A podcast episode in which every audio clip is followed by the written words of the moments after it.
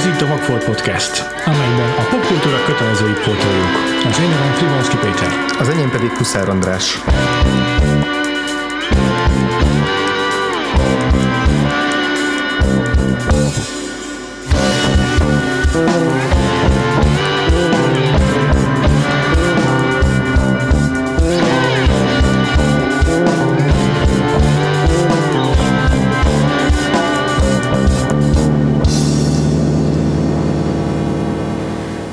Vagfolt keretein belül, ahogy az a régi intrónkban elhangzott, általában a hiányosságainkat szoktuk pótolni, tehát ilyen alapműveket, vagy olyan műfajokat, témákat, esetleg alkotókat, amiket vagy akiket alig ismertünk, vagy akár egyáltalán nem ismertünk.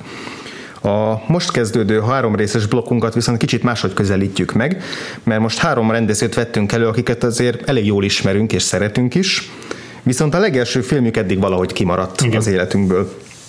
És uh, itt az a fő kérdésünk, hogy milyen színben tűnik fel a debütálásuk a teljes életmű ismeretében, így utólag visszanézve, és hogy ez egy kezdőszánypróbálgatás, vagy te teljes fegyverzetben pattantak elő, mint a Pallas Athéné az Zeus fejéből. Ez egy érdekes kérdés. És hát most az első adásunkban a Danny Boyle-al kezdjük, aki szerintem az egyik legeklektikusabb kortás rendező. Hát jó. A pályája során a vérbeli zsánerfilmtől, bollywoodi tündérmesén át, olimpia megnyitókig tényleg igen. gyakorlatilag hát igen. minden téren kipróbálta magát és hát az erőteljes stílus érzékéről híres, vagy nézőpont kérdése, hogy hírhette. Ennek a rendezőnek az első filmje az 1994-es Shallow Grave, magyar címén Sekély sírhant. Uh-huh. Még viszonylag szerény alapokon nyugszik három lakótárs talál egy hullát, hulla mellett van egy aktatáskányi pénz, ugye a kérdés, hogy mit kezdenek vele, elcsábulnak-e a bűnös útra, nyilván elcsábulnak, ez nem is kérdés, viszont Boyle nem egy szikár bűndrámát, hanem adrenalin pumpáló, lüktető színekkel és zenékkel aláfestett, erős fekete komédiát kanyarított ebből a hagyományos noir felütésből. Egyúttal egy szívmasszást alkalmazott az akkoriban vegetáló brit filmgyártáson, és elindította néhány brit színésznek a karrierjét is. Így van. Kezdjük rögtön azzal, hogy neked mi az élményed a Shallow Grave-vel kapcsolatban? Ez alatt azt értem, hogy mikor hallottál először a filmről, mikor kezdett el érdekelni, miért döntöttél úgy, hogy ez legyen az egyik eleme a trilógiának?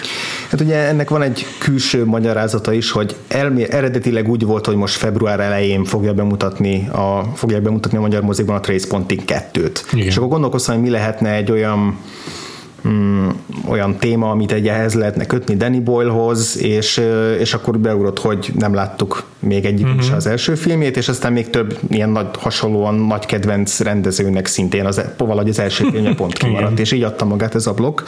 Tehát igazából ez volt az indok. Meg valami szintén olyan borzasztóan sose érdekelt a, a sekés sírhant.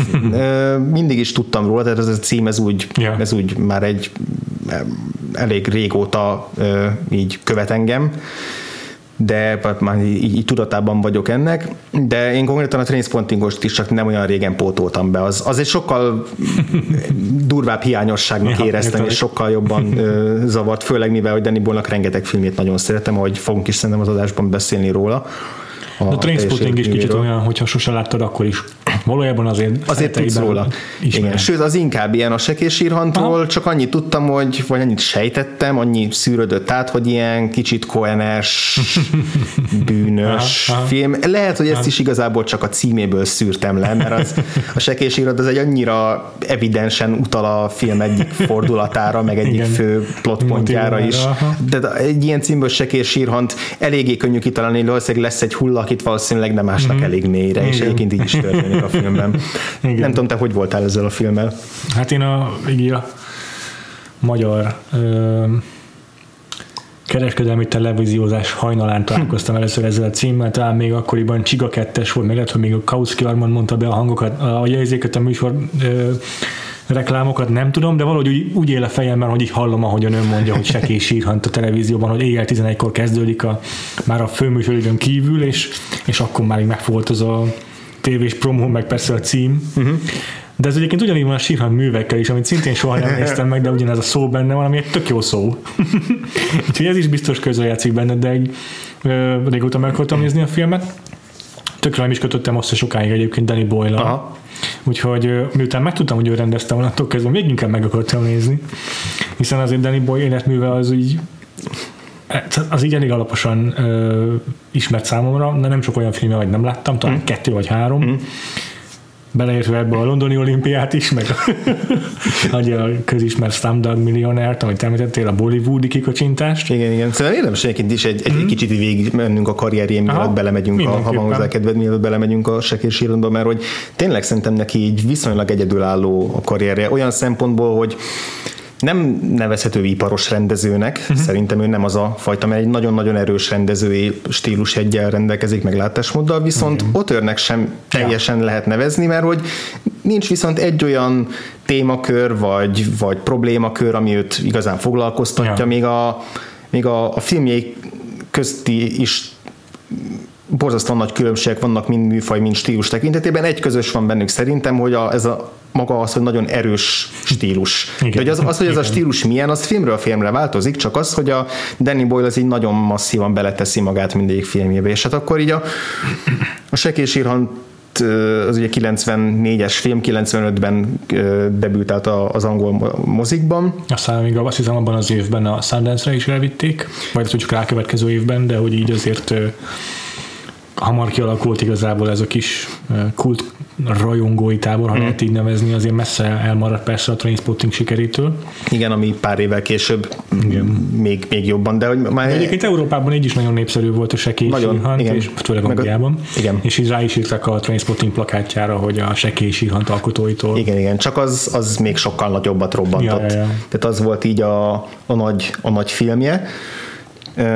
És akkor utána rögtön jött két hát kudarc, hát vagy hát elég, eléggé csúnya fiaskó, az egyik az a, a Life Less Ordinary a Cameron Diazzal és Joel McGregorral, akit uh-huh. vitt tovább az első két uh-huh. filmjéből ami ilyen, az, az az egyik olyan film, amit nem láttam még már, csak ilyen részleteket, de hogy az elvileg ilyen humorosabb hangvételű, tehát elvileg az vígjáték, de hogy valami olyasmi, de hogy igazából valószínűleg itt nem találta el a, az a, a zsánereket, az arányokat.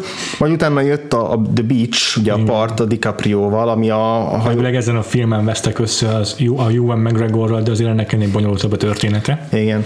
De hát ugye addig az előző három filmben együtt, tehát együtt dolgoztak, és arra számított Jóban McGregor, hogy ebben is együtt fognak Igen. dolgozni. Aztán nem így alakult. És, és nem így ez... alakult, és akkor mondta, és hogy itt nem is azzal volt baj, hogy nem őt kérte fel, hanem ahogy ezt kezelte, hogy Igen. ott a háttérben, hogy akkor fölkérte, Igen. vagy, tehát hogy ott, de, de, az biztos, hogy ott volt egy olyan falling out köztük, ami, Igen, ami egészen a Trainspotting nem is Igen, gyógyult be. Nem is gyógyult be. Uh, és tehát akkor jött, jött ez a part, ami, ha jól emlékszem, akkor ez volt a, a legdrágább filmje, tehát ez mm-hmm, volt a, mm-hmm. a legnagyobb költségvetésű filmje. Aztán és aztán be se váltotta a hozzáfűzött Nem, nem, nem, egyáltalán nem. És akkor utána ugye egy picit eltűnt. Egyébként engem tökre érdekel a part, én nem néztem még meg. Mert a partot azt láttam, és nem olyan rossz, mint a híre. Annyival nem is jobb, hogy, hogy, hogy így, így a, a védőpajzsomra emeljem, ja, vagy azért emeljem, de érdek, érdekes film. Ja. De az, az de érthető, hogy miért, miért lett belőle bukás. Utána volt egy ilyen kis, kis szünet, amikor hazament a BBC-nek dolgozni, mert hogy ő eredetileg tévéből, Aha. tehát a, a brit tévében tévés rendezőként kezdte a pályáját, és utána került, Aha. utána robbant be a filmek közé, és akkor ezt így visszafizette ott pár tévéfilmmel, valószínűleg ez egy ilyen kis Aha. kúra volt, vagy, vagy lehet, hogy nem is tudott nagyobb projekteket beszerezni, de, hát. de utána jött, a, jött egy nagy dobás. Igen, az a 28 nappal később, 28 days later. Ami minimál költségvetés, tehát hmm. visszatért a, a, az alapokhoz, a nem akart túl nagyot dobni, viszont a zombi műfajt azt teljesen megújította, és olyan, tehát hogy ha nincs 28 nappal később, akkor most nincs Walking Dead. Igen, és egy újabb uh, brit sztárt ágyújóként robbantott be a köztudatba Killian Murphy személyében. És vissza, visszahozta Christopher eccleston akiről szintén fogunk ma még beszélni. Tehát hát. neki azért vannak ilyen visszatérő színész, Igen. kedvenc színészei, akiket újra meg újra alkalmaz és, és akkor utána, tehát egy, eddig is megnéztük, hogy volt már a Trainspottinggal egy ilyen drogos társadalmi komédiája, akkor utána volt egy vígjáték, aztán volt egy ilyen horror, túl, túl, túlélő horror, romantikus uh-huh. valami, akkor utána jött a zombi horror, akkor, és akkor ugye gondoltuk, hogy oké, okay, akkor most jön, jön majd a következő zsánerfilm, és erre nem csinált egy Millions címmel egy ilyen családi gyerekfilmet. Egyébként egész jó a kritikai visszhangja, bár azt, azt sem láttam. Tényleg kiszámíthatatlan, hogy éppen mihez fog nyúlni a következő ja, alkalommal. A Millions egyébként nekem is kimaradt, pedig nagyon sokáig az annyira izgatott, hogy vajon, vajon milyen lehet Danny Boyle ilyen gyerekfilm rendezőként. Aztán igazából a 28 Days Later is már valamennyire egy kacérkodik a science fiction, mm-hmm. de azért mindenkit szerintem váratlanul ért a Sunshine, Igen, ami ahol... egy az egyben science fiction film, űrös film. Igen, bár ugye ott is a végén horrorra, igen, horrorba fordul igen, át. Igen, igen, ami a Danny Boyle meg egy állandó el, kritika vele szemben, hogy a filmjei az utolsó harmadban totálisan szétesnek, ami szerintem egyébként nem annyira igaz. Sőt, Szerintem sem amik, amire, amikre ilyenkor példaként hoznak föl, azoknál szerintem létfontosságú, és baromi jól működik az utolsó harmad, ez pont ez a két nagy zsáner filmje ott középen. Viszont egy rengeteg másik filmjénél meg teljesen logikusan következik ja. a, a vége mhm. az addigiakból, tehát hogy ez uh-huh. Ez szerintem egy téves, téves meglátás vele kapcsolatban. Igen. Uh, igen. A Sunshine után azt következett egy kicsit hosszabb szünet a szokásosnál, mert uh, ahogy a nő maga fogalmazott, azért uh, nem, belátja, hogy nem csoda, hogy egy csomó rendezőnek egy darab űrös film készül, uh-huh. készül az életművében, mert az rendszerűen kimeríti az embert. Igen. Mármint maguk a, a, a, azok a limitáltságok, amit az ad, amit az ad hogy tiszteletek között kell forgatni egész nap, a nagy része a filmnek igazából majd post-productionben fog megvalósulni a számítógépeken, és arra várni kell, de közben vágni is kell a filmet. Igen. Egy borzalmas hajmeresztő rémálom lehet egy ilyen filmet megcsinálni. Igen, igen, igen. Te például 28 héttel későbbet is átpasszolta másnak, tehát azt mm. se ő csinálta meg. Pedig azóta is mondogatja, hogy ő, ő a 28 hónappal későbbet azt nagyon szeretné megcsinálni, mert így kattog a fejében. Szerintem ezek után megfogja, hogy a Trainspotting 2 sikerült véghez vinni, akkor miért meg? Igen. Viszont előtte még ott volt egy Trance mm. nevű mm-hmm. uh, ilyen pszichothriller. Kevésbé elismert, de szerintem ugyanolyan jó, ugyanolyan szolid, megbízható Danny Boyle darab. Igen, az egy kicsit ilyen, nekem ilyen felejthető darab, olyan szóval, hogy a moziban rohadt jó volt, azt mm-hmm. moziban néztük meg. Mm-hmm. Ott is a, abszolút működik ez a, ez a rettenetesen erős stílus érzéke. Erre meg azt mondtam, hogy kellett neki egy ilyen kisebb léptékű darab, Igen. hogy a londoni olimpia megnyitójának a megrendezése után, ami egy ilyen szintén rémálom. Gigászi rémálom ja. volt, ahol a, a, a brit birodalom teljes történetét elmesélte a megnyitó alatt. Szóval kellett egy kicsit kikapcsolódjon, igen, igen. egy ilyen szórakozás. Szerintem a, a, a filmográfiájából a sekés az a leginkább még a Transfer mutat rengeteg hasonlóságot, lehet, hogy arra a filmre még így vissza fogunk menet közben térni. Aha. De igen, ez egy ilyen pár szereplős kis darab volt James McAvoy, a Rosario Dawsonnal, Vincent Cassellel. Én ez így megnézni, hogyha valaki szereti ezeket. Érdemes, mert hogy az azért úgy eltűnt úgy, úgy kézen közön, tehát hogy az nem, nem, nem, sok, nem sok vizet zavart. Uh-huh. Utána, utána megint teljesen műfajt váltott, és ráadásul ja. összeállt egy, egy vadonatúj íróval, az Aaron Sorkinnal a Steve Jobs életrajzi filmre. Egy filmet a filmográfiából, volt? A, a 127 órát. Valóban. Sőt, kettőt. Hát igazából akkor igen, mert a... A, a Slumdog Millionaire, amivel hm, Oscar díjat nyert. Igen. Tehát ez is, ez is vicces, hogy pont ezt, ezt a korszakát ugrottuk át. Aha. Tehát, hogy igen, volt a, a bollywoodi filmje, ilyen kis tündérmese, meg utána a 127 óra, ami, ami egy ilyen nagyon... Szintén azt se vártuk Danny Boyle-tól, mert az Igen. meg az a rendező, aki olyan kinetikus, és így mindenben a, a dinamizmust keresi mm-hmm.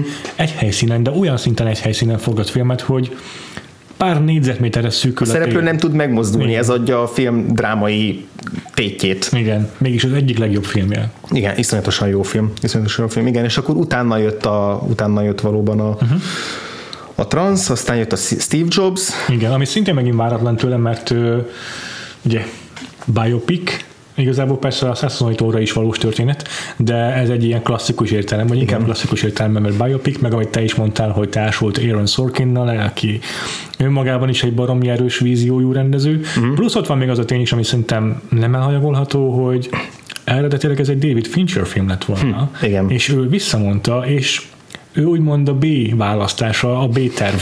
És így Danny Boyle nem hátrált meg emiatt, vagy nem érezte azt, hogy, hogy esetleg itt most ő neki ez egy ilyen levetett konc, levetett hogy konc, igen, igen, igen, valaki másnak a vízióját megvalósítani. Annak ellenére, hogy a, amennyire én úgy érzem, hogy a, a Social Network az a Fincher és a Sorkin közös gyereke, a Steve Jobs az inkább Sorkin film, mint Danny Boyle film. Én azért érzem ebben is, hogy Danny Boyle ben, Benne van, benne van. de abban egyetértek vele. De, de, de sokkal, inkább, sokkal inkább alárendeli az ő mm-hmm. rendezői eszközeit a Sorkin forgatókönyvének annak, hogy megvan, hogy három időségben yeah. játszódik, és a, yeah. a Danny Boyle azt teszi bele, hogy ez a három időség ez hogyan jelenítődik meg, meg egy-egy ilyen Igen. ilyen átvezető Igen. montásban, de hogy, de hogy ez mind a forgatókönyvből bomlik uh-huh. ki, míg uh-huh. általában a, a többi filmjére inkább az jellemző, hogy erősebb a rendezés, mint, a, mint az írás. Nagyon sokszor. Nem igen, mindig, igen, de sokszor. Meg egy maga is elmondta, hogy az, az a legfontosabb tanulsága számára, amivel távozott a Steve Jobsból, hogy hogy sokat lehet a színészekre bízni, úgymond. Tehát hmm. itt azért Kate Winslet meg Michael Fassbender vitte el leginkább a filmet, meg az ő, uh, ahogyan ők előadták az Aaron Sorkin forgatókönyvét, és uh, ők azért olyan színészek, akik akik feltalálják magukat úgymond, uh-huh. akik nem feltétlenül szólnak arra, hogy, hogy aprólékos utasításokat kapjanak a rendezőjüktől és ők kitöltötték a szerepüket, és nem, nem, nem, nem az volt a film lényege, hogy, hogy maximálisan minden gesztusra lemenve tökéletesen visszaadják Steve Jobsot, mint, mint személyiséget, hanem, hanem hogy Michael Fassbender tassuk, ahogy eljátsza ezt a szerepet. És, és ez egy fontos tanulság volt számára, meg szerintem is érdekes, mert, mert alapvetően nem a színészetről, meg nem a hatalmas alakításokról ismerjük a Danny Boyle filmeket, mm. amit kurva jó persze, meg nagyon jó benne, igen, figurák, csak... de inkább koncepció, meg vizualitás, igen, meg igen. technikai dolgok, amik igen. amik kiemelik a filmjeit az átlagból valóban. Igen. Meg persze a váratlan fordulatok, meg az ilyen eszement cselekményvezetés. Igen, igen, igen. És akkor most pedig ugye jön a, a Trainspotting 2, ami megint újdonság olyan szempontból, hogy még folytatás soha nem csinált. Ja. Tehát, hogy ez, ez így ez így megint érdekes, érdekes kísérlet. A, annak hogy a folytatásokat ritkán szoktuk érdekes kísérletnek nevezni, tehát az ugye ilyen, inkább ilyen biztonságjáték szokott hát főleg, hogyha annyi idő elteltével csinálják meg, mint mondjuk ahogyan amennyi idő eltelt a két Star Wars film között. Tehát igen, itt azért óriási ugrás van, majdnem, sőt, több, hát az 20 év, 20 év, 20 év körülbelül. És ugye igaz, hogy a ez is egy könyvben alapul, az Irving Belsh megírta a Trainspottingnak a folytatását könyvben is, uh-huh. ez a pornó, és tehát van, van egy alapanyag, amiből ja. dolgozhat, de, de igen, akkor is, tehát azért az elmúlt évekből rengeteg olyan példát tudunk mondani, amikor ilyen 15-20 év kihagyással próbált valaki feleleveníteni egy régi klasszikust, és itt totálisan nem működik. Igen, Tehát, hogy igen, nagyon nehéz, úgyhogy kíváncsi leszek, hogy ez... Én is ez milyen lesz. De hogy, de hogy igen, ebből, ebből is látszik, hogy, hogy tényleg mennyire, mennyire értetlenül sokoldalú rendező és kiszámíthatatlan. Uh-huh. E, és ehhez képest mondjuk a Sekés Írhant azért annak ellenére, hogy totálisan rendezői mű, tehát hogy ja. egyértelműen már benne van egy csomó minden azok, azokból, amiket elmondtunk, uh-huh. amiket igen. elmondtál, de hogy, de hogy azért ebben még van egy ilyen első filmesség.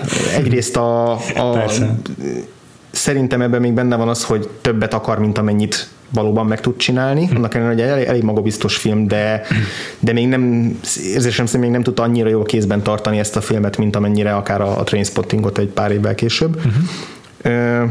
Másrészt pedig ugye hogy mindent bele akar zsúfolni, tehát ilyen, ilyen mindent, amit, amit ki akar adni magából, ugye a tévében eltöltött, izé, poros, a tévé poros alaksorában eltöltött évek után, amit így ki akar, meg a színház után, amit ki akar adni mozgóképben magából, azt, azt, azt, azt, itt, azt itt beletette. Egy egyébként tényleg teljesen hétköznapi noir sztoriban Hát igen, a noir kiindulási alapja, de aztán ezt annyira egyedi, egy, annyira sajátjává teszi Danny Boy, hogy így szinte rá se lehet ismerni ezekre a műfaj alapokra. Nem, nem is nevezném noárnak a, uh-huh. a mhm. filmet, annak uh-huh. ellenére, hogy az alapsztoria, hogy fölvázódunk tényleg. Uh-huh.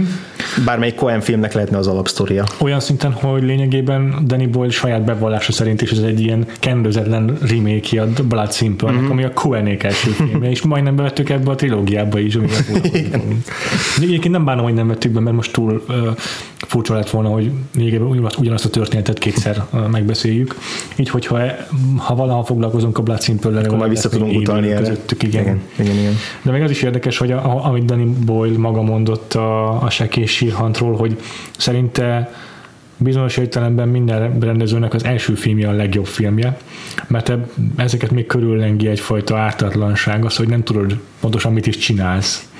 És, és amit, amit mondasz rá, az teljesen igaz, hogy, hogy túlságosan messzire nyújtózott sokszor messze, mint ahogy a takarója ért, mert itt még azért bőven abban a korszakban vagyunk, ahol filmre kellett forgatni, ami marha drága a mhm. celluloid. Mm. És el is fogyott az az egymillió font, amit, amit kaptak a, filmre, az utolsó forgatási napokra, és így már szépen el kellett adogatni a, a díszleteket, az ilyen nagyon cool bútorokat, amikkel berendezték a lakást.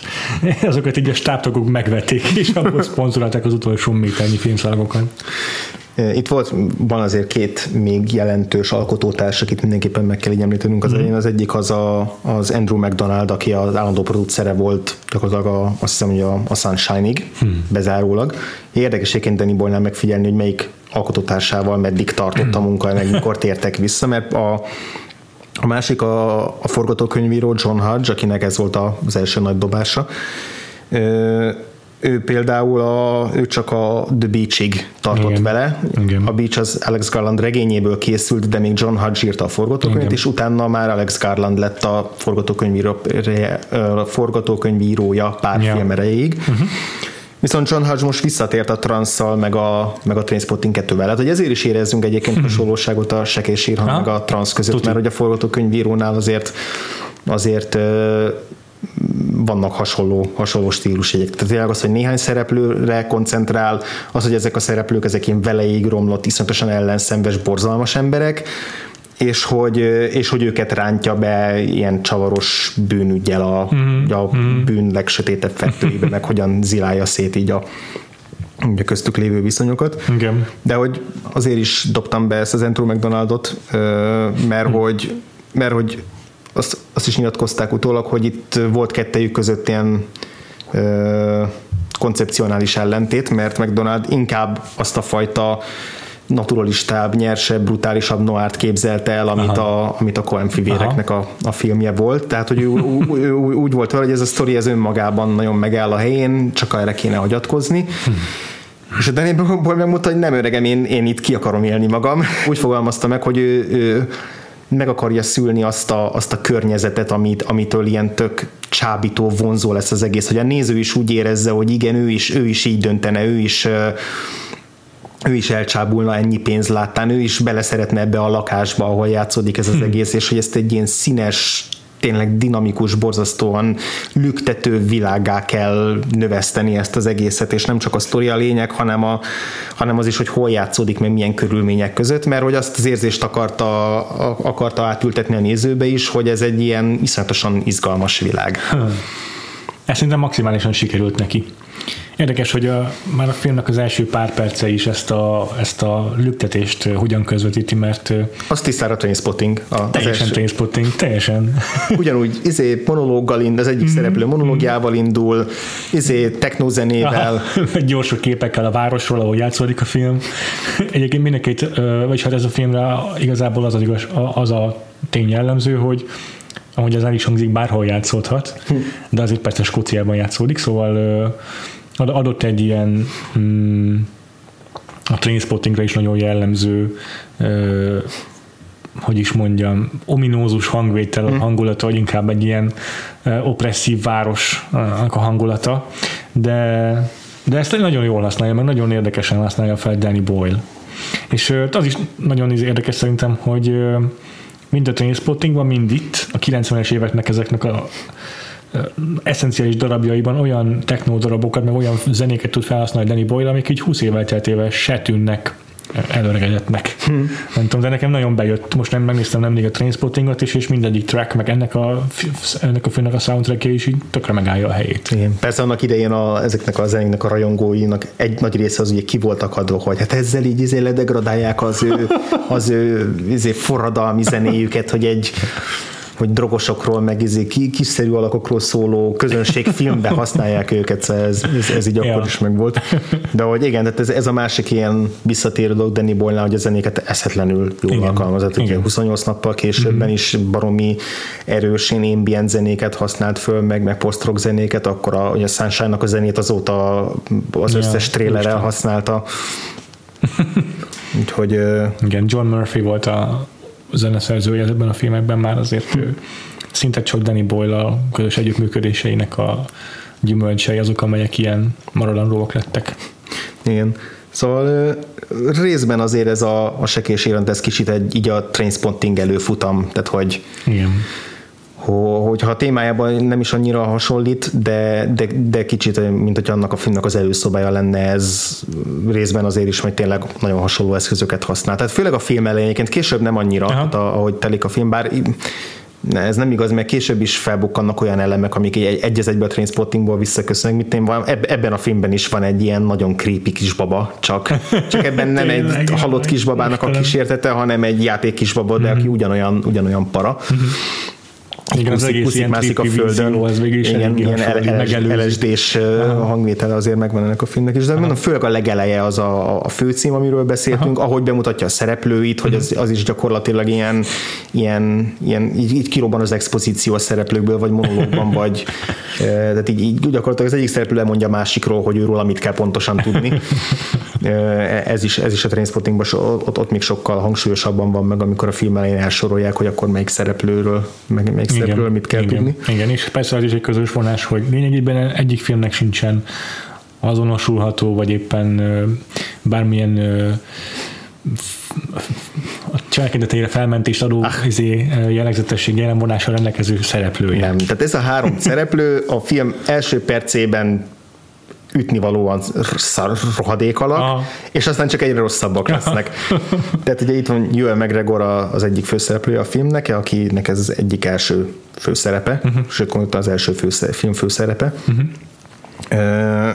A, akkor itt van Christopher Eccleston, aki szintén még ilyen pályakezdő tulajdonképpen, és Carrie Fox, aki a triászból a leg kevésbé neves vagy nagy karriert igen. futotta be. Igen, igen, igen. igen. De hogy... hogy a két színész, a két hm. színész meg mindannyian hosszú életű távoli galaxisból származó idős varázslókat kezdtek el játszani, és igen. Dr. Who, illetve hát a Obi-Wan Kenobi. Igen, igen.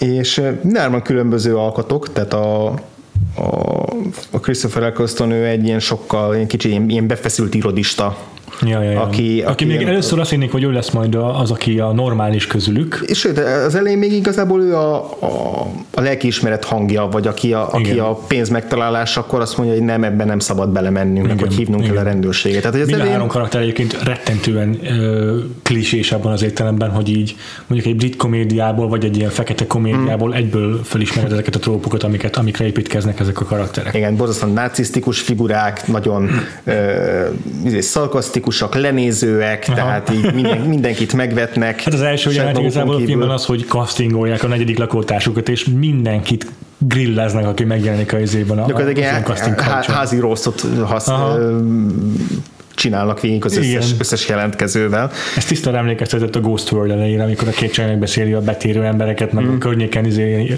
flangáló embereket, és tudom még kiröhögik a kinézetüket, meg a beszélüket, meg hasonlók. Mindent, igen. Yeah.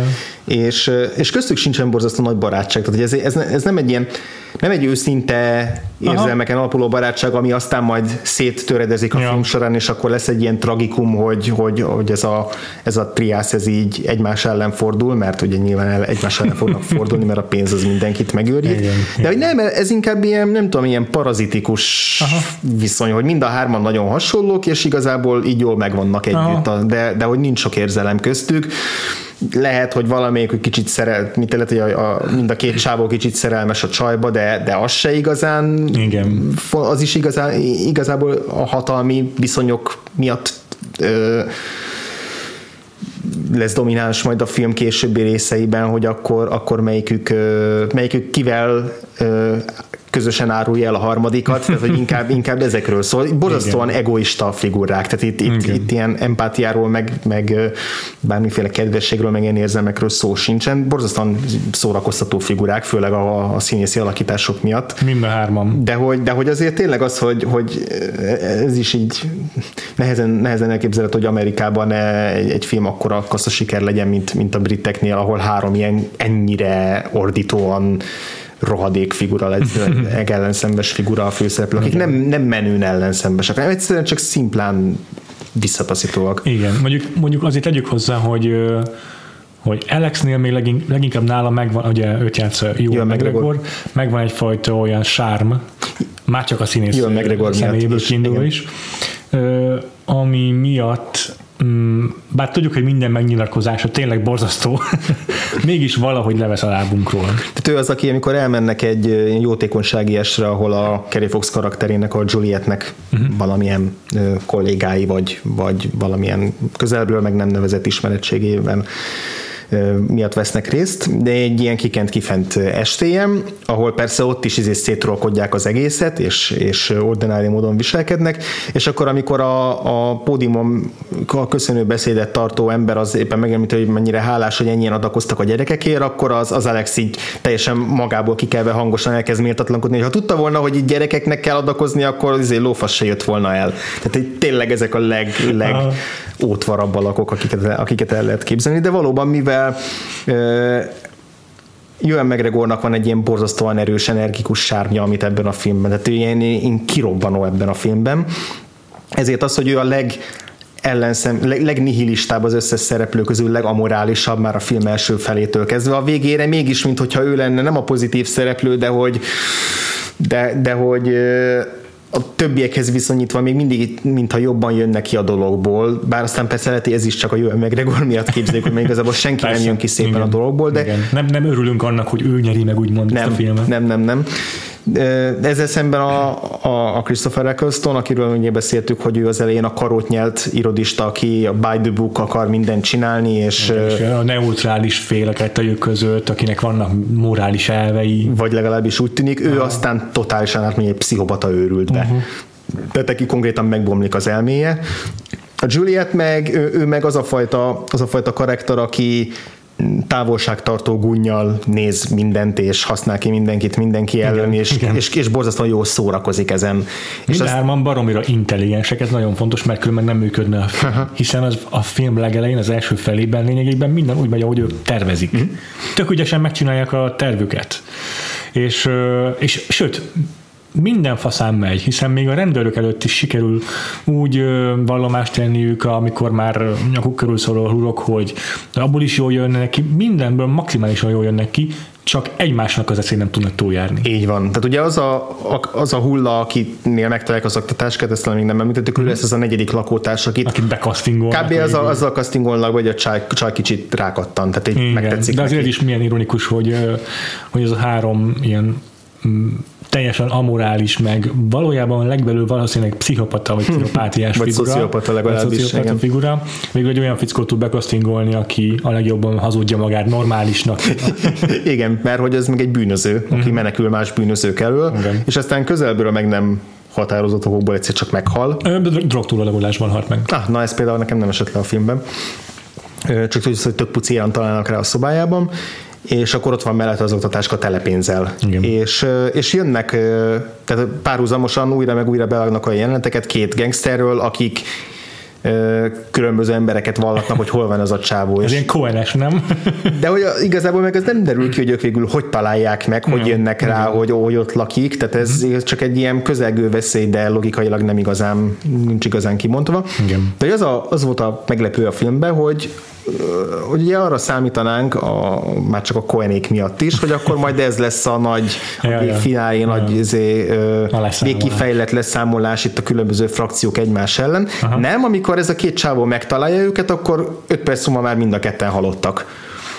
És Igen. mindez a film kétharmadánál történik meg. Tehát ez, ez például egy tök nagy jó csavar, meg uh-huh. meglepetés volt, hogy belebegtették ezt a két ilyen brutális gangstert, uh-huh. de hogy addigra David, a Christopher Eccleston már annyira bekattant, hogy ő már képes volt ezért kinyírni mind a kettejüket, és utána valóban, ahogy mondtad, a film az arról szól, hogy ők egymást hogyan cseszik szét. Igen. Na mi egyébként a, a filmnek, a, hogyha az erősségei ezek a karakterek, meg a színészek, akkor pont, pont valahogy a cselekmény volt nekem nagyon sovány. Tehát, hogy Hát ugye ez egy 90 perces film, De még, nekem még ahhoz is, ahhoz is kevésnek tűnt. Filmes rendezőre. Igen. Mm, ja, hát ehhez tényleg kellett a Danny Boyle iszonyatosan erős stílusa, hogy ez a film megállja a helyét. Tehát amit, a, amit az ő filmére szoktak még sokszor uh, felhozni, vagy az ő filmé ellen, hogy hogy ezekkel az ilyen stílusbeli truvályokkal, meg, meg bravúrokkal azt leplező, hogy igazából így nincs üres, nincs üres tartalom. Azt általában nem szoktam nála érezni, itt éreztem, főleg a egy a film utolsó harmadánál, amikor tényleg kicsúcsosodik az, hogy ez a három szereplő mennyire, mennyire mindenfajta erkölcsi skrupulustól mentes, és ott fogják kiátszani egymást a, a többi ellen, ahol csak lehet, de de, de számomra nagyon üres és, és nem is tudom, értelmetlen lett így a, a vége. Nem, nem logikailag, mert, mert szépen le van vezetve, hogy hogy, hogy hogy jutunk el a végpontig, de, de valahogy nekem nem, nem, nem nyújtott ott a, a, egy idő után már semmi. Tehát, hogy amennyire, amennyire frappáns és energikus volt a filmnek a felütése, meg izgalmas a kérdésfelvetés, utána így igazából nem sokat, nem sokat kezdett vele.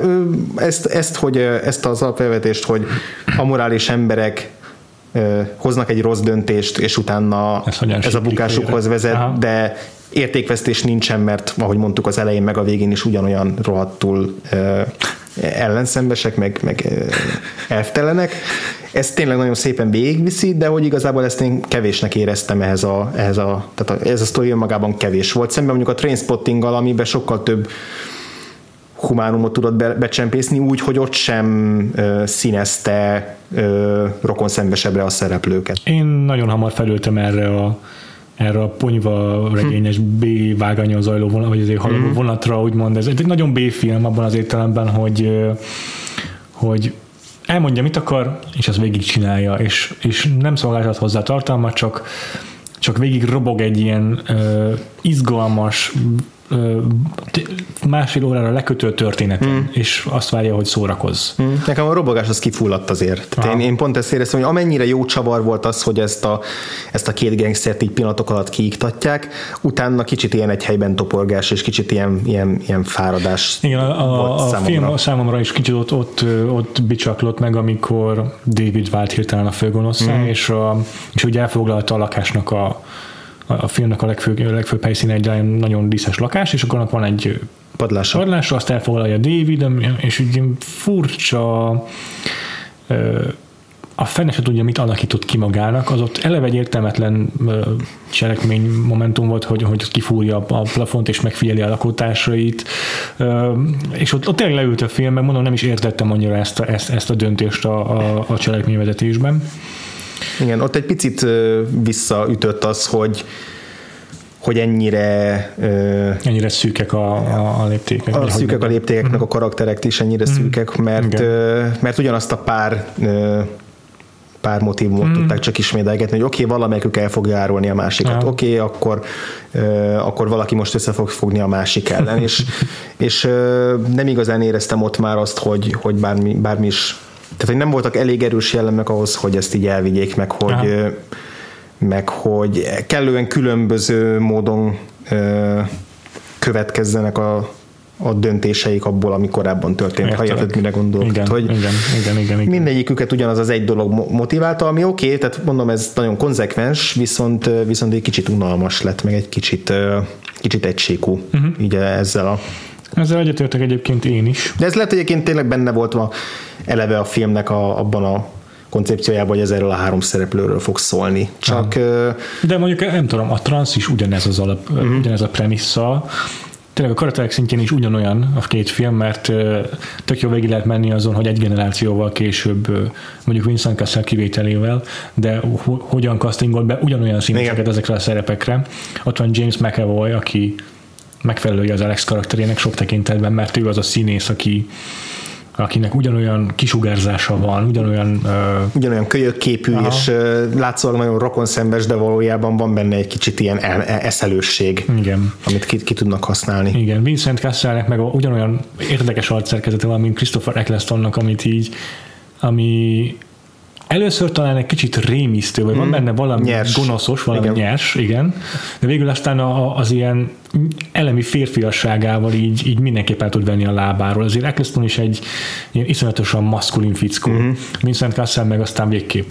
És, és akkor ott van Rosario Dawson, aki meg egy ilyen borzasztó szexuális teremtmény, Igen. és ugyanazzal a, mm-hmm. ugyanazokkal az eszközökkel uh, játsza ki ezt a két férfit, mint itt uh, Carrie Fox. Igen, mint itt Juliet. Igazából nagyon hasonló ilyen tekintetben annak a filmnek is a dinamikája, és és csak annyi szerintem a külön, vagy azon az a fő különbség a kettő között, hogy borzasztó sok időt telt a kettőnek a készítések között, és, és az egy nagyobb piacra szánt, nagyobbat markoló film, és ezért mm, koppan nagyobbat, amikor, amikor uh-huh. kicsit gyengébb, meg langy, langyosabb a kritikai uh-huh. visszhangja. Vagy inkább, inkább úgy fogalmazok, hogy már nagyobb rendező múltal rendelkezett, és emiatt vártak többet tőle, Aha. mert hogy amúgy az is egy nem túl nagy költségvetésű mm. film Igen. volt, amit nem, nem terjeszt, tehát nem, egy, nem akartak ebből egy új, új Slumdog millionert Persze. csinálni.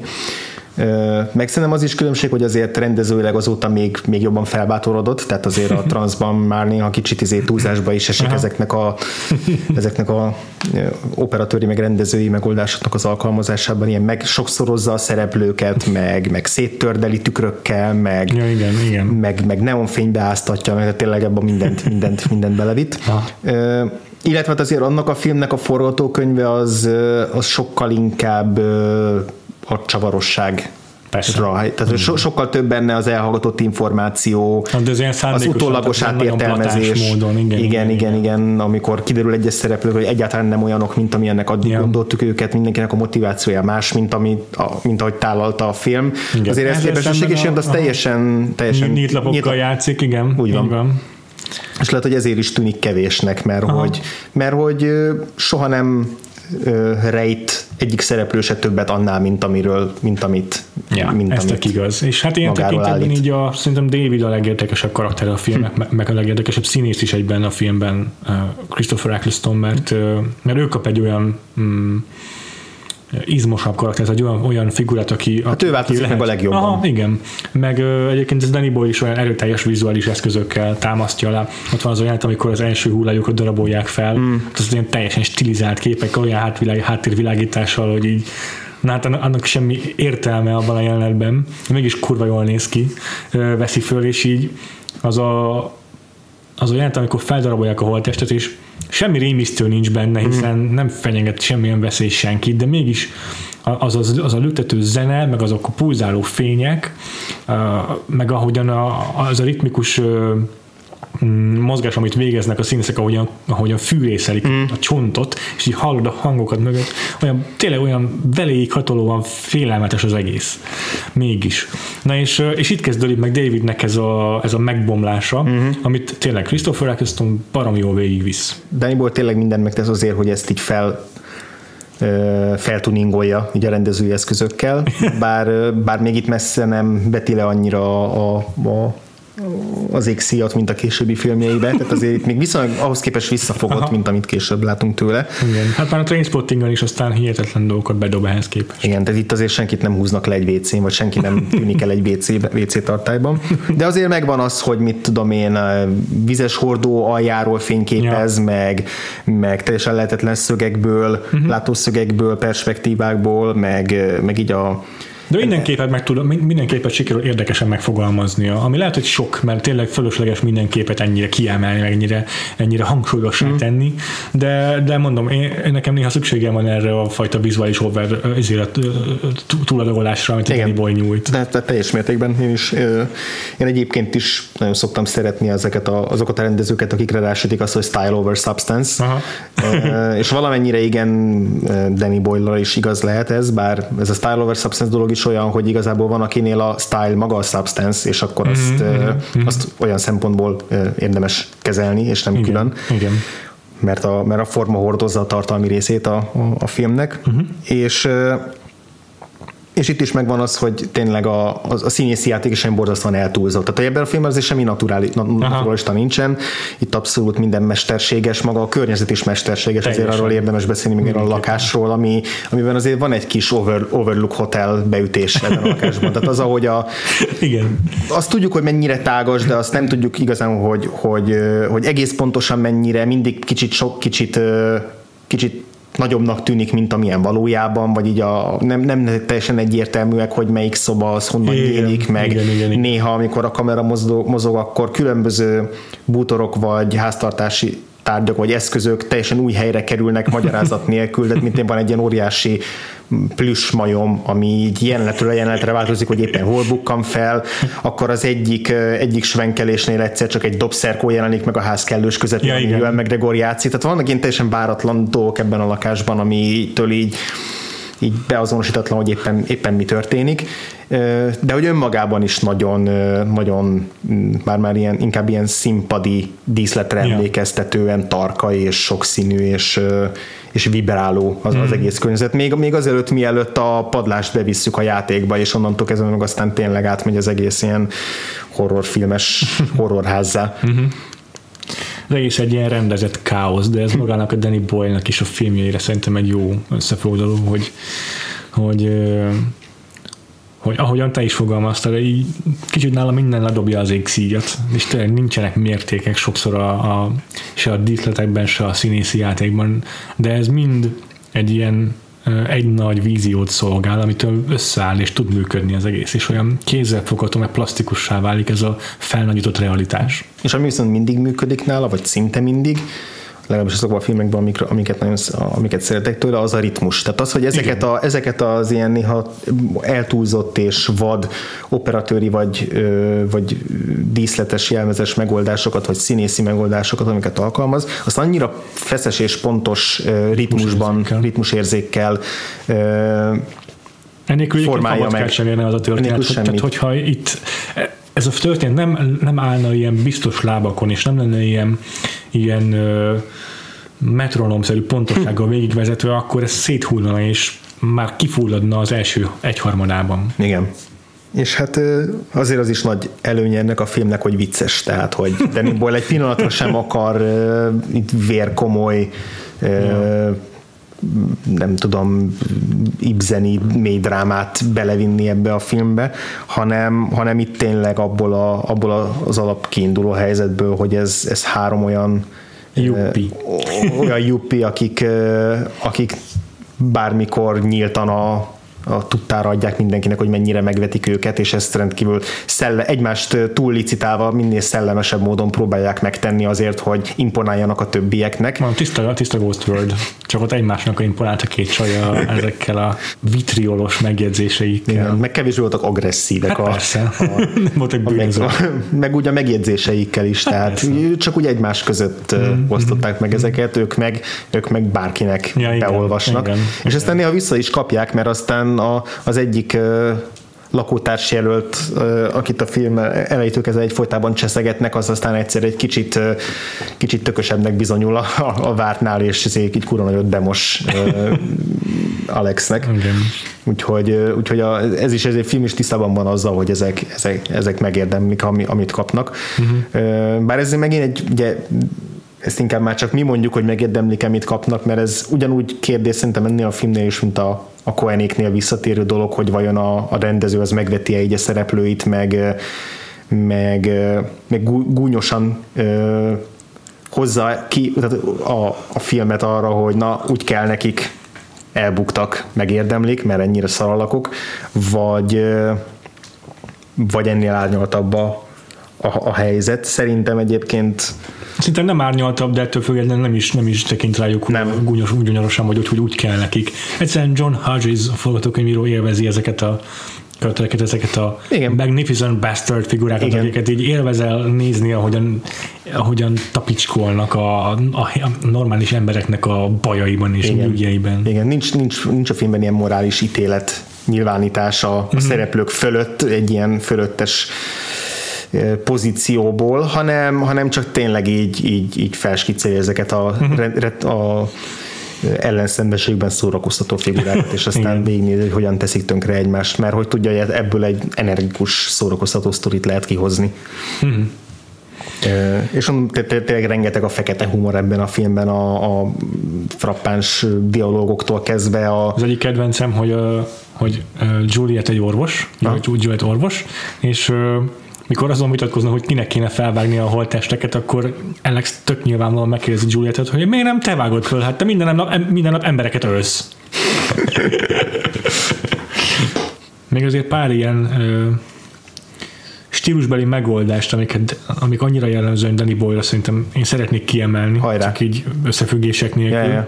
de nagyon tetszett az a, be, az a az a csomó lassú kép, az a, azok a lassú beállítások, amelyekkel felveszi Hugót a, a negyedik lakótársad, aki a film első tíz percével intézi magát.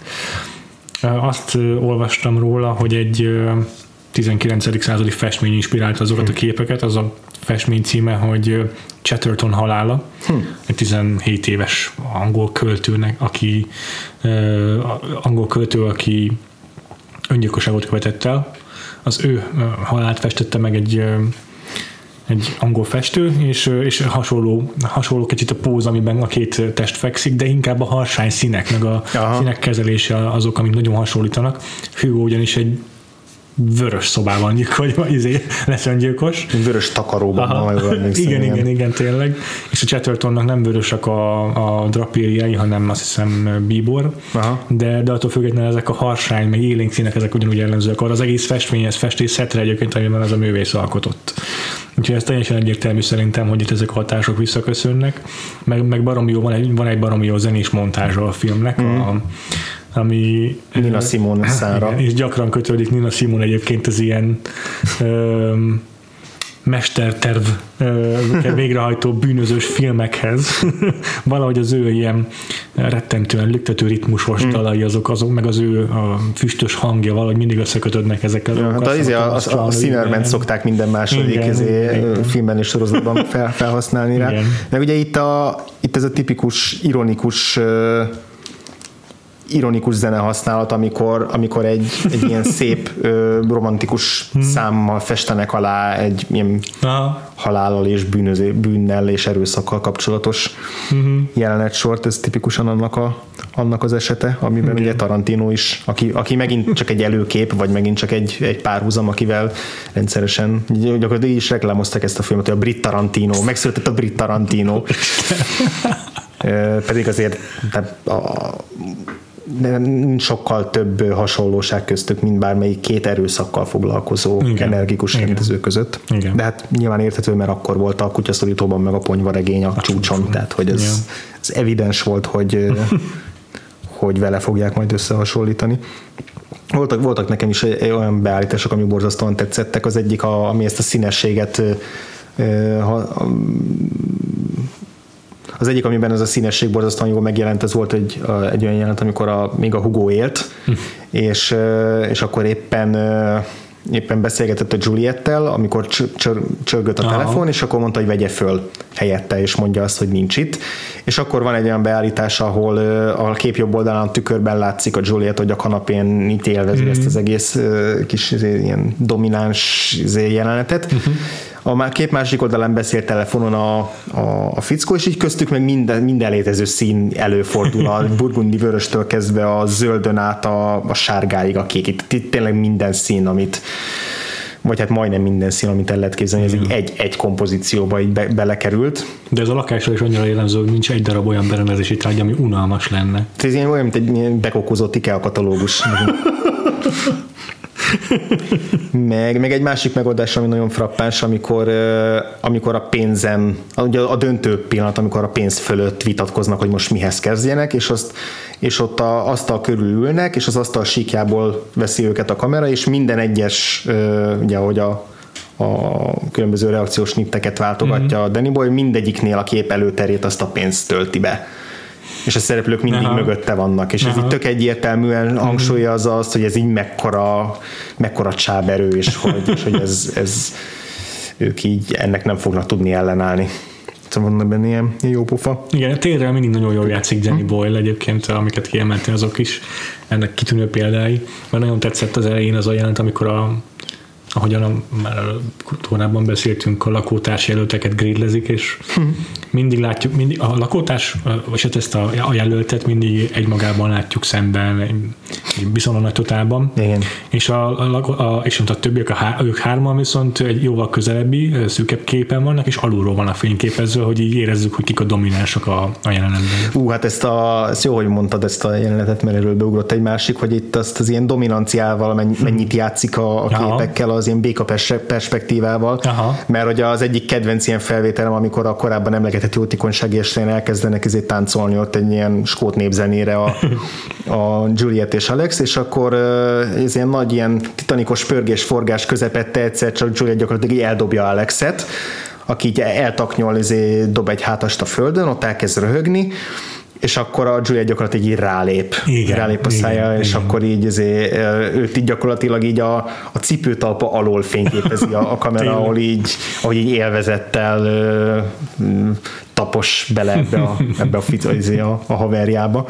És aztán ez a film végén meg így vissza is köszön, amikor megint a földre kerül Joel McGregor, csak akkor már van egy kés is a, a vállában, és akkor ugyanez van, hogy, hogy fölé áll a nő, csak ott, ott még durvábban bán el szintén. És, és ugyanúgy egy cipőjével kezdi el csépelni a kést, hogy kicsit még mélyebbre, mélyebbre nyomja a, a sebesült Alexbe, aki ennek túléli a filmet, ez Igen. nagyon vicces, hogy, hogy valóban ő kerül ki győztesen így a szereplők közül, mert, mert ugye a... Őben, őben, ő vele bánta a legjobban a sors. Jól lesz számítva persze David, az, aki meghal. Igen, és, a, és ő meg nyilván börtönbe fog kerülni, ja. tehát a, a pénz, amit elrejtett, az, az, az soha nem lesz az övé, de, de, de, de sikerült kicsesznie mindenki mással. Ja. És ugye ez, a, ez így, így válik győztessé, hogy ő az, aki mindenki mással kibaszott. Ez az, amikor a fiaszkóban nagyon sok fekete kockát gyűjtesz össze, és a végén. Igaz, hogy ugyanolyan szarújás, mint a többiek, de azért mégiscsak kár öröm. magas ló. Kár öröm.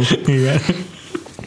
Ja, amúgy ezért még Joel McGregorra visszatérve egy kicsit furcsa, hogy, hogy az első pár szerepében ennyire hihetetlenül kirobbanó és Aha. energikus, és hogy azóta meg ez így teljesen eltűnt belőle. Tehát, Igen. hogy egy, gyakorlatilag egy beleszürkült a, a szerepeibe, és vannak azóta is jó filmei, meg jó szerepei, most is jön majd a Fargo harmadik évadjába, hmm. egy ikerpárt fog játszani, az, az is kíváncsi vagyok, hogy ott milyen, milyen arcát mutatja meg, de gyakorlatilag az első néhány filmje óta ezt a fajta Joel McGregort, aki ekkora ilyen berobbanó ígéret volt, ez, ez így valahogy megszűnt, és ezért én egyébként egy kicsit a George Lucas-t okolom, mert hogy, mert hogy ott volt azért egy, nem tudom, öt, öt éves, nem tudom, nem is tudom hány év volt a, a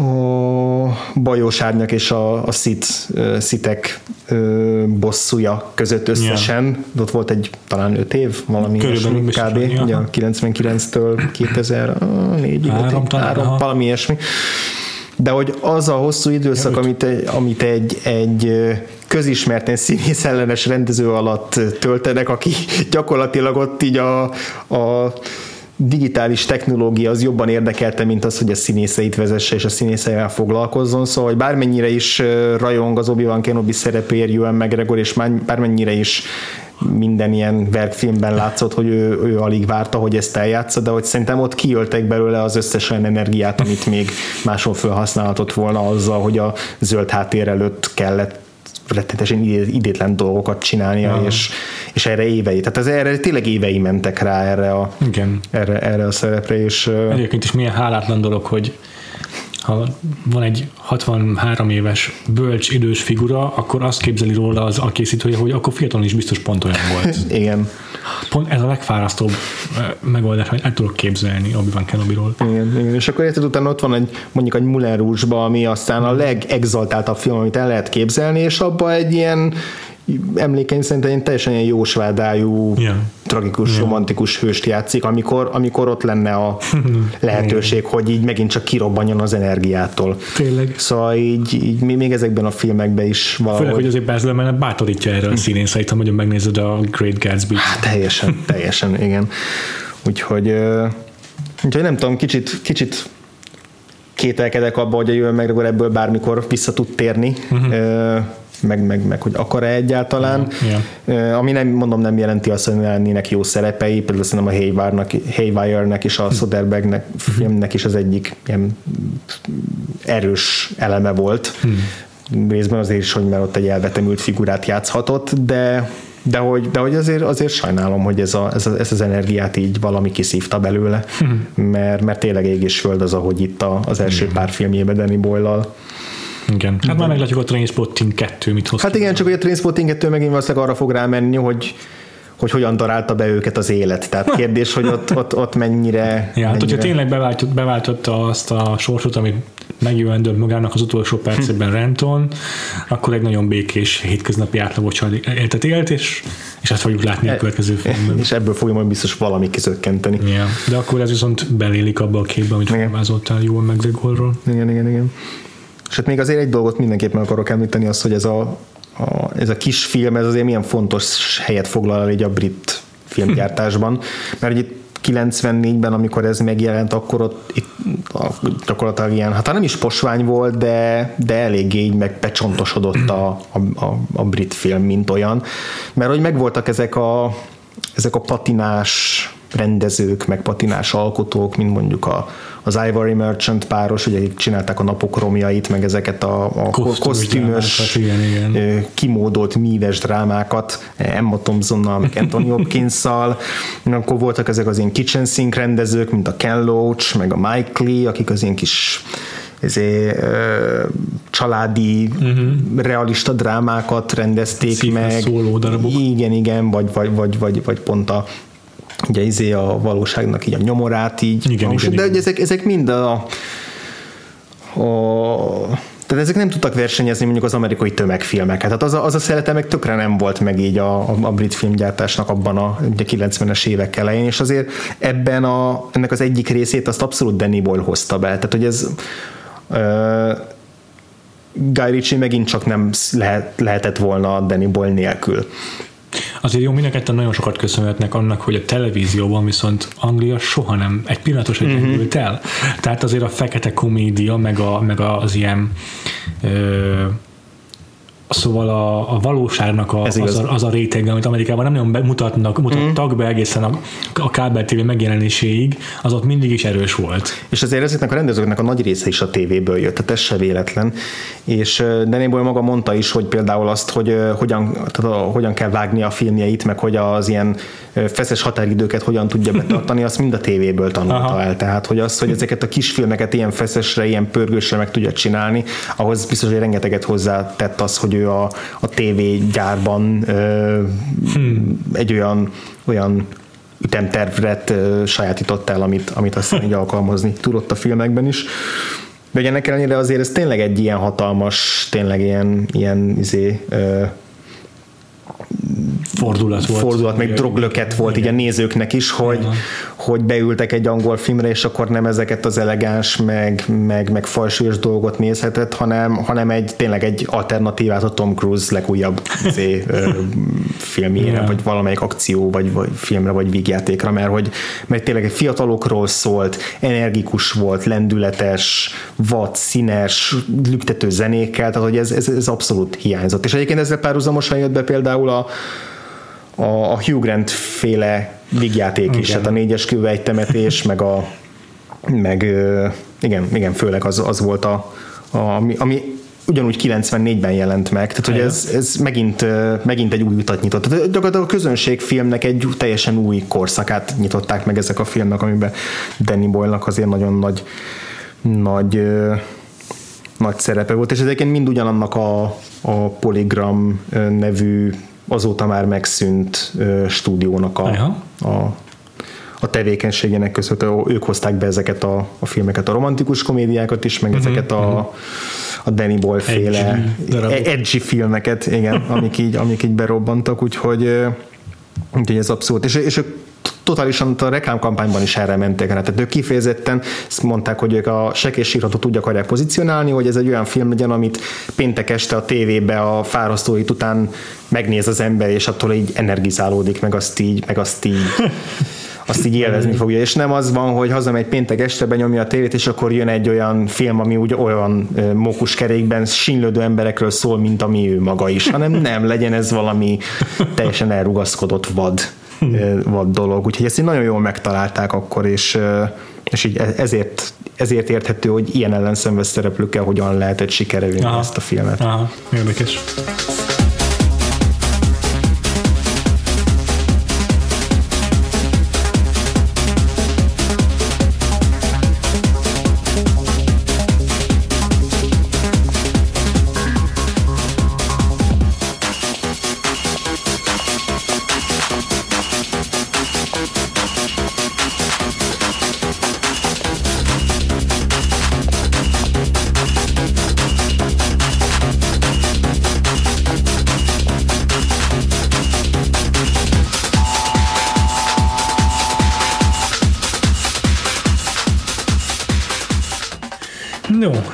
Maradt más hátra, mint a kitekintő rovatunk. Ebben ezúttal a Shallow Grave-nek egy olyan elemét emeljük ki, uh-huh. amely uh, csupán egy díszlet, de mégis nagyon sok filmre jellemző, hogy uh, a, van egy fontos helyszínünk, valami, ami lehet, uh-huh. hogy nem feltétlenül ott játszódik az egész film, de egy, egy meghatározó, ikonikus eleme a, a, a díszleteknek, vagy, uh, vagy ugye a, a film hangulatának. Uh-huh. És ez most ez a a három főszereplő lakása az inspirált bennünket, amely tényleg rettentően színes, extravagáns módon berendezett kis apartman. Mi is simán oda tudnánk költözni ja. melyik percben. És hát olyan, olyan helyszíneket kerestünk, amelyek szintén hasonlóan uh, arra inspirálnak bennünket, hogy, hogy gondoljuk át a lakberendezési szokásainkat. Én úgy gondolkoztam egyébként, itt ennél a, ennek a annak az összeállításánál, hogy hogy nem ragadom ki ezt a helyszínt a környezetből. Tehát, hogyha hogyha mondjuk egy posztapokaliptikus világban játsz, van egy nagyon fosz a helyszín, akkor, akkor azt úgy kell megindokolnom, hogy én abban a posztapokaliptikus világban élnék ezen a helyszínen, csak egy kicsit így megnehezítsem a, a helyzetet, hogy ne legyen olyan egyértelmű, hogy én ott akarok majd élni. És, és így is választottam ki egyébként a harmadik helyezettemet. Hallgassuk ami a Zombieland című filmben Bill Murray háza. Az nagyon jó választás. a Zombieland a nem sokára Oscar díjas Emma Stone és majd egyszer valószínűleg Oscar díjas Jesse Eisenberg egyik korá, korai vígjátéka. Én nem úgy egyébként for the record nem hiszek Emma Stone Oscar díjában. Miért nem hiszel benne egyébként? Nem tudom. Eddig szerintem... mindent bezsákolt, és nincs igazán most már nagyon erős vetétársa, Igen. aki így van, csak nehezen tudom elkezdeni, mondjuk hiten Isabel Üper most így e- e- elragadja majd a nem erőszakról szóló filmjével az Oscar ítészeket. Hmm, pedig pont azon gondolkodtam, hogy ő is nagyon-nagyon pozitív kritikákat kapott az alakításáért. Hmm, hmm, igen. Én, én úgy érzem, hogy ez itt nagyon lala lendév lesz ez az idei, úgyhogy úgyhogy ezért nehezen tudom elképzelni, hogy most már, főleg, hogy ugye Natalie Portman volt igazából a, a nagy vetétás, és hogy meg itt teljesen eltűnt, igen, a, igen, eltűnt a, tehát nem tudom, most már lehet, hogy nem is a második legesélyesebb a kategóriában, pedig hogy abszolút úgy, hmm. úgy volt bedobva, hogy ő Aha. itt tarolni fog ezzel a szereppel, és így. Valószínűleg nem. egyébként ott valahol az is, azon is múlt a dolog, hogy az a stúdió, aki finanszírozta a Jackit, hmm. nekik fogyott el talán a pénzük a kampányra, tehát azért nagyon sokat számít ez a kampányolás. Igen, meg, hát, meg, meg az is számít ilyenkor, hogy a többi kategóriában mennyire jelölik, és ugye a Jackie az a két fő kategóriába egy nem is ja. került be. Ja, ja, ja. Na de visszatérve a korábbi filmjére, ami nem kapott Oscárt, ugye Zombieland, ami egy nem baromi szórakoztató zombi vígjáték, hmm. hasonlóan gyors zombikkal, mint amit a 28 nappal későbbel felvezetett Danny Boyle. Néhány szereplő, egy, egy négyes fogat még Woody Harrelsonnal és Abigail Breslin-nel kiegészítve ők keresnek menedéket egy zombi apokalipszis kellős közepén, és találnak Bill Murray házában. Ugye mhm. Los Angelesbe járunk, és a találomra keresnek valami jól védhető menő helyet, és akkor ott egy, egy ilyen nagy palotába bekerülnek, és kiderül pillanatok alatt, hogy kinek a házába járnak. És hát az egy, az egy, az egy rohadt jó helyszín, tehát ugye a saját külön mozi vetítőterme van, ez nekem már bőven elég ahhoz, hogy ott, vésze, ott próbáljam átvészelni a zombi apokalipszis, és ne egy lepukkant nem, toronyháznak a felső elbástyázott emeletén, illetve hát ugye itt megvan az esély annak, hogy ott a, a Ghostbusters relikviáktól és az egyéb, egyéb menü ilyen kellékek kellékek mellett még lehet, hogy magában Bill Murray-vel is fogunk tudni találkozni. Tehát ez, ez sem egy elvetendő gondolat, de Igen. maga az épület nem annyira különleges ebben a filmben, de a tudat az, hogy kinek a háza, és az, hogy, az, hogy milyen milyen jó pofaságokat rejthet, az így, az így, az így a harmadik helyre nálam elég volt. nem rossz. Nekem a harmadik helyzetem, ha nem is laknám szívesen, uh-huh. attól, függetlenül azt gond, attól függetlenül megérdemelt egy, egy helyezést a, a listámon, ez pedig Patrick Bateman, hmm. ilyen loft apartmanja New Yorkban az amerikai pszichóból Christian Bale karakterének az állakása, ami egy ilyen csupa fehér, fehér, fehér, fehér butorok, fehér szőnyegen, fehér falak között, Esetleg egy kis feketével van néha kombinálva, de az a maximum. Igen. és hát pont ezért, mert ennyire, ennyire monokróm, uh-huh. valószínűleg egy idő után azért megunnám, de mm, de valami, valami van, van abban valami izgalmas, Igen. meg van abban valami elegáns, hogy, hogy ennyire visszafogott uh-huh. egy mhm. lakásnak a berendezése, és azok a bútorok egyébként gyönyörűek, meg tényleg baromi ízléses az egész, de hamar mm, az idegeimre menne, azt hiszem. Ja, hogy igen, a filmnek ez a szerepe is, igen. ez a szerepe a lakásnak Igen, a hogy ennyire steril legyen. Mm-hmm. De, de takatatatlanul elegáns, Igen. stílusos. és illik ehhez a egyébként furcsa módon nagyon jó, jó kontrasztba helyezhető a, a, a Seké szereplőivel, hogy van ez az angol, vagy inkább brit juppi uh-huh. hangulat, amit ez a hatalmas színes lakás ad, meg ez az amerikai uh, hú, mi erre a megfelelő szó, erre is van egy jó szó, uh, mindegy, ezek az ilyen felső középosztálybeli, hát talán szintén jó, yeah. de az amerikai felfogása ennek az egésznek ez a, ez a, ez a, ez a modorosabb juppiság, hm. és ez tök jó kontrasztba a kettő egymással. Igen. Na, mi a te második helyzeted? A második helyzetem az, az nem egy olyan helyszín lesz, ahol szívesen élnék, hanem az egy olyan helyszín, ahova szívesen mennék el nyaralni. Mondjuk egy nyárra. Tehát vegyük úgy, hogy egy, hogyha ugye két laki életet él az ember, akkor, akkor legyen egy olyan hely, ahova így nyárra elmegy. Biztos jó a kilátás? Ö, inkább van egy olyan, van egy olyan idilli kicsit unalmas békéje, ami bizonyos no. idő után, ö, amit besokalnék és vissza akarnék menni egy kicsit nyüzsgőbb, oh. pesgőbb nagyvárosi életbe. De az biztos, hogy nyarakat nagyon szívesen eltöltenék a hobbitok falvában, a gyűrűk urából. Azt hittem a felvezetés alapján, hogy a panoráma hotelről lesz szó, azért mondtam a kilátást. De a hobbit az kurva jó döntés. Egyrészt építészetileg szerintem nagyon frappásan és nagyon okosan és jópofán kialakítva ezek a kis domboldalakba ágyazott kis mm-hmm. kugló épületek. Valaki, sokat kéne görnyedni azokban a házakban, tehát hogy ott valószínűleg kurva sokszor beverném a fejemet, de ahhoz is hozzá lehet szokni egy idő alatt, akkor ott az ember kertészkedik egy kicsit, elmegy a helyi kis fesztiválra, ami minden évben pontosan ugyanolyan, ugyanazok a tűzijátékok vannak, de azért mégiscsak, mégiscsak szórakoztató, Igen. ott megismered ott a környékbeli lakókat, el, kényelmesen elcseverészel mellettük egy kis mérsör mellett, tehát hogy megvannak ezek a nagyon kellemes kis dolgok, ami mondom, mondom, egy idő után unalmas lesz, és akkor vissza akarsz már menni mondjuk Gondorba, vagy valahova, ahol egy kicsit nyüzsgőbb az élet, meg egy kicsit van valami, van valami ö, ö, eseménydús, hmm. eseménydúsabb dolog, de hogy de hogy a, a, a, ez a természetbe való kivonulás, mondom, egy-egy időszakra, az, az biztos, hogy nagyon, hmm. nagyon nagyon csábító tudna lenni, úgyhogy, úgyhogy ott, egy, ott egy ilyen kis, egy, egy kis szállást azt el tudnék fogadni.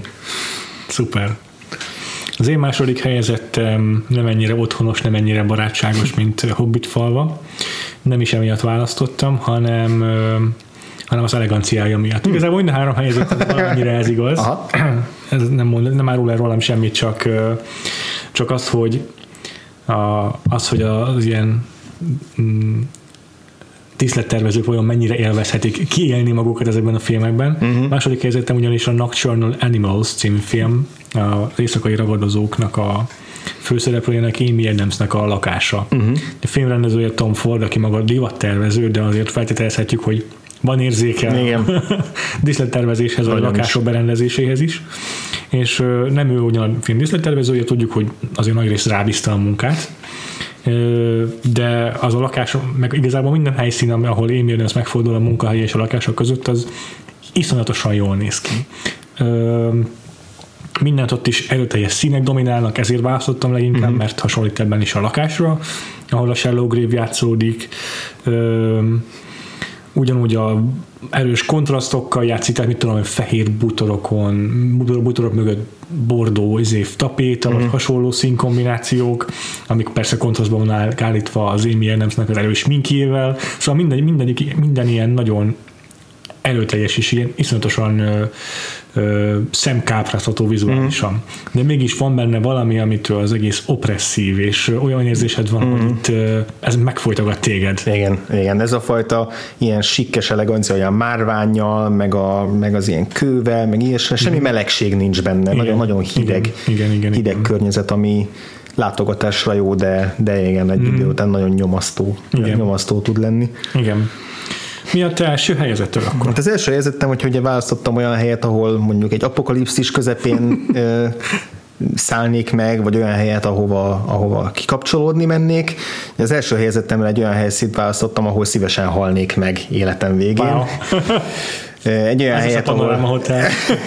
Majdnem. Az egy kicsit már túl sok.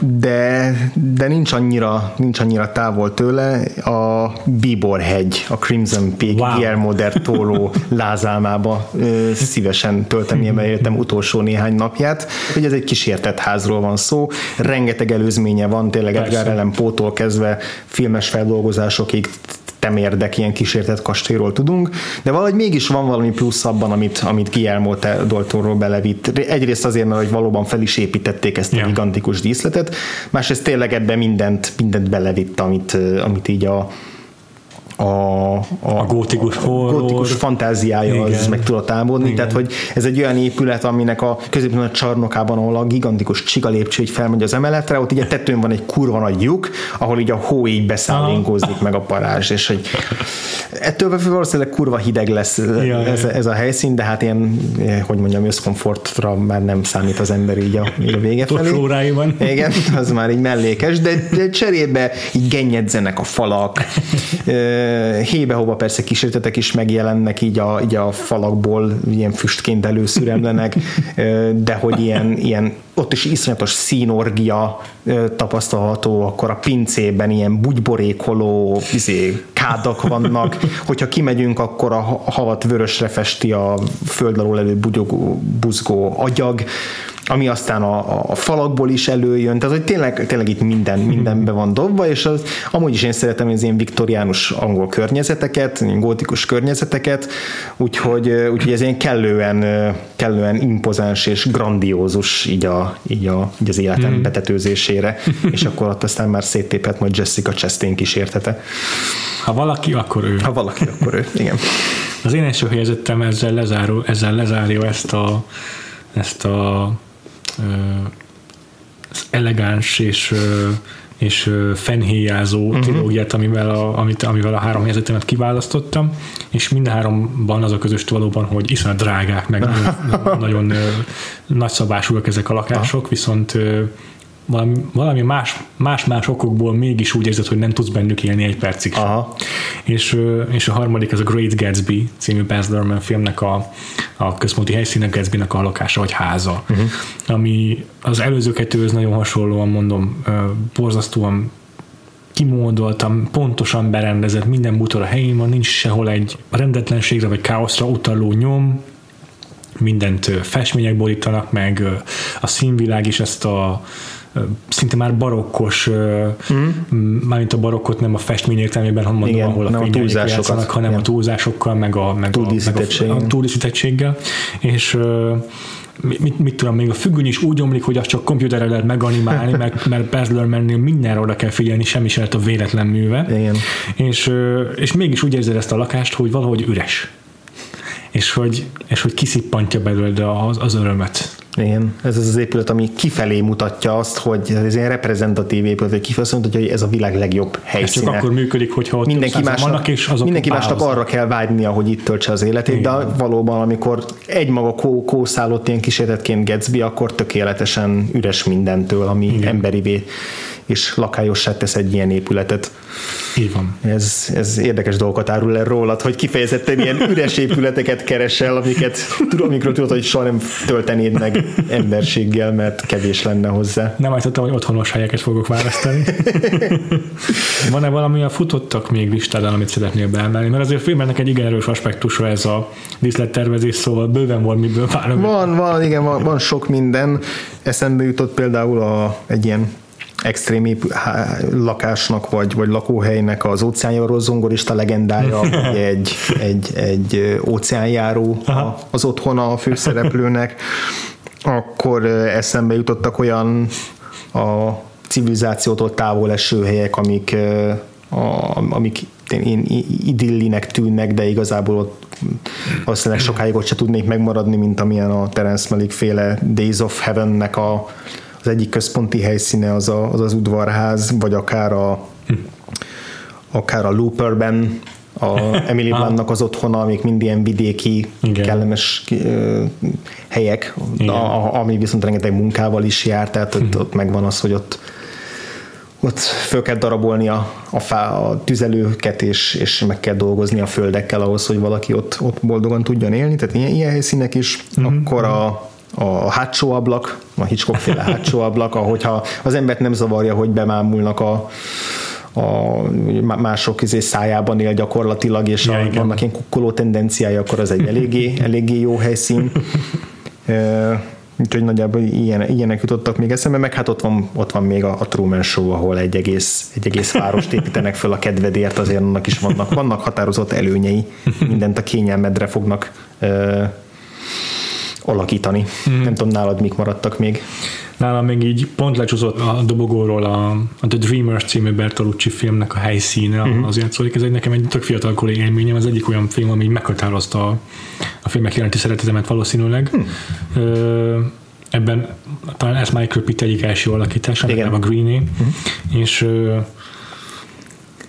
összeköltöznek egy két azt hiszem francia szárom, vagy francia fiatal testvér összeköltözik egy amerikai barátjukkal, és uh, ilyen mindenféle bonyolult szerelmi, meg, uh-huh. meg ilyen szexuális uh, kapcsolatba kerülnek, és szóval egy nagyon érdekes film, meg baromi szép a, a, a, a látványvilága, és ennek a filmnek a helyszíne, ami a Bertolucci azt mondta, hogy uh, hogy az volt a célja vele, hogy ez a rendkívüli luxus meg elegancia hogyan válik egyre inkább folytogatóvá és börtönszerűvé.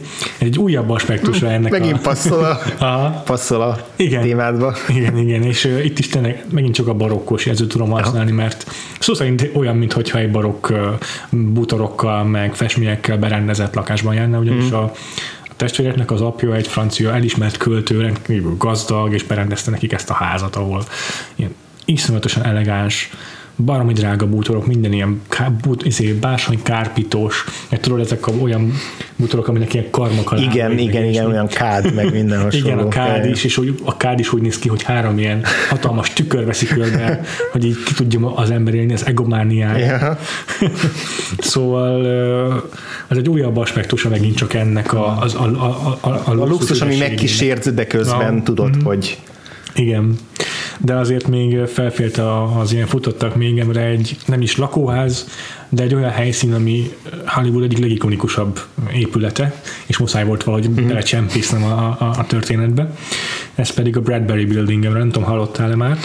Volt egy 99% Invisible uh, című podcast epizód, mm-hmm. vagyis hát a podcastnak ez a címe, és az epizód meg a Bradbury Buildingről szólt. A Bradbury Building egy egy egykori aranyásónak a nevét viseli, aki meggazdagodott, és valamikor 19. században építette, vagy építették az ő nevére ezt a házat, vagy épületet Los Angelesben, amely azért különösen érdekes Los Angelesnek a, a mm, az épületeik között, mert a 19. században úgy épült, hogy egy regény inspirálta, amelyet abban a században írtak, de a 2000-es években játszódott. Hm. Játszódik. Aha, ilyen futurisztikus aha, igen. volt. És ez, a, ahogyan a podcastben megfogalmazza a Roman Mars, a podcastnek a házigazdája, upscale steampunk. Ez is hatalmas belső terek, minden uh, korlát ilyen kovácsolt vas, uh, uh-huh. kacskaringós filmekből áll, az egész gyönyörűen néz ki, és csomó filmen felbukkan, meg reklámokban, mit tudom, amit kiemeltem, az a, a, leg, a legikonikusabb megjelenése az a Blade Runnerben van, ahol a Toymaker nevű karakter, vagy Toymaker foglalkozású karakternek a, az ilyen otthona, uh-huh. ahol így megjelenik, a, megjelenik ott az androidok, és nem tudom, ilyen törperobotok kószálnak a lakásban össze-vissza, és ilyen alulvilágított, rendkívül félelmetes, tényleg tök steampunkos uh-huh. környéken járunk de, de ezek, egyébként ez, ez az épület az, ami meggyőzött engem arról, hogy nem véletlen, hogy Budapestre jöttek forgatni a második részt, mert azt hittem, hogy csak stúdióban fognak majd ezek között forgatni, de nem, a városban is forgattak, és Ilyen ez az épület tökre belefér egy ilyen, Aha. egy ilyen jövőképbe Budapest. De egyébként mit tudom, felbukkant a 500 Days of Summer-ben is, meg egy csomó, csomó filmben Aha. megjelenik mint gyár, mint néha lakóházként, de főleg elsősorban industriális környezetként. Mm. Szóval ez egy tök érdekes épülete London, Los Angelesnek, érdemes utána olvasni, kurva látványos, meg kurva érdekes a története is szerintem. Király, szuper. Aztán még nem menjünk el szó, nem menjünk el szó nélkül, csak így említés szintjén a Jeff Lebowski-nak a lakása mellett, amit csak a szőnyeg tart össze, úgymond. Igen, de a Lebowski-ban amúgy is rengeteg olyan épület van. Van a ja, pornoproducernek a, a medencés épülete, Tényleg. ami szintén emlékezetes. ha, a, vagy, akár, vagy akár a nagy Lebowski-nak a, uh-huh. a palotája. Tehát ott azért, ott azért végigjárjuk ja, a, ja, a városnak ezeket a Igen. helyeit. Ha nektek is van valami különösen kedvenc épületetek vagy lakásotok, ami, ami számotokra emlékezetes volt, akkor arról kommentelhettek nekünk a vakfoltpodcast.hu-n facebook.com per Vakfolt Podcast, ott is felvetitek velünk a kapcsolatot, mm. bármivel kapcsolatban. És képzeld el, iTunes-on már van egy értékelésünk, és nem is rossz. És hogyha szeretnétek követni ennek a meg nem, magát meg nem nevező hallgatónak a, a példát, akkor az iTunes-on megtaláltok bennünket, és nem csak feliratkozhatok ránk, de csillagokkal, meg szöveggel is értékeltek bennünket. Uh-huh.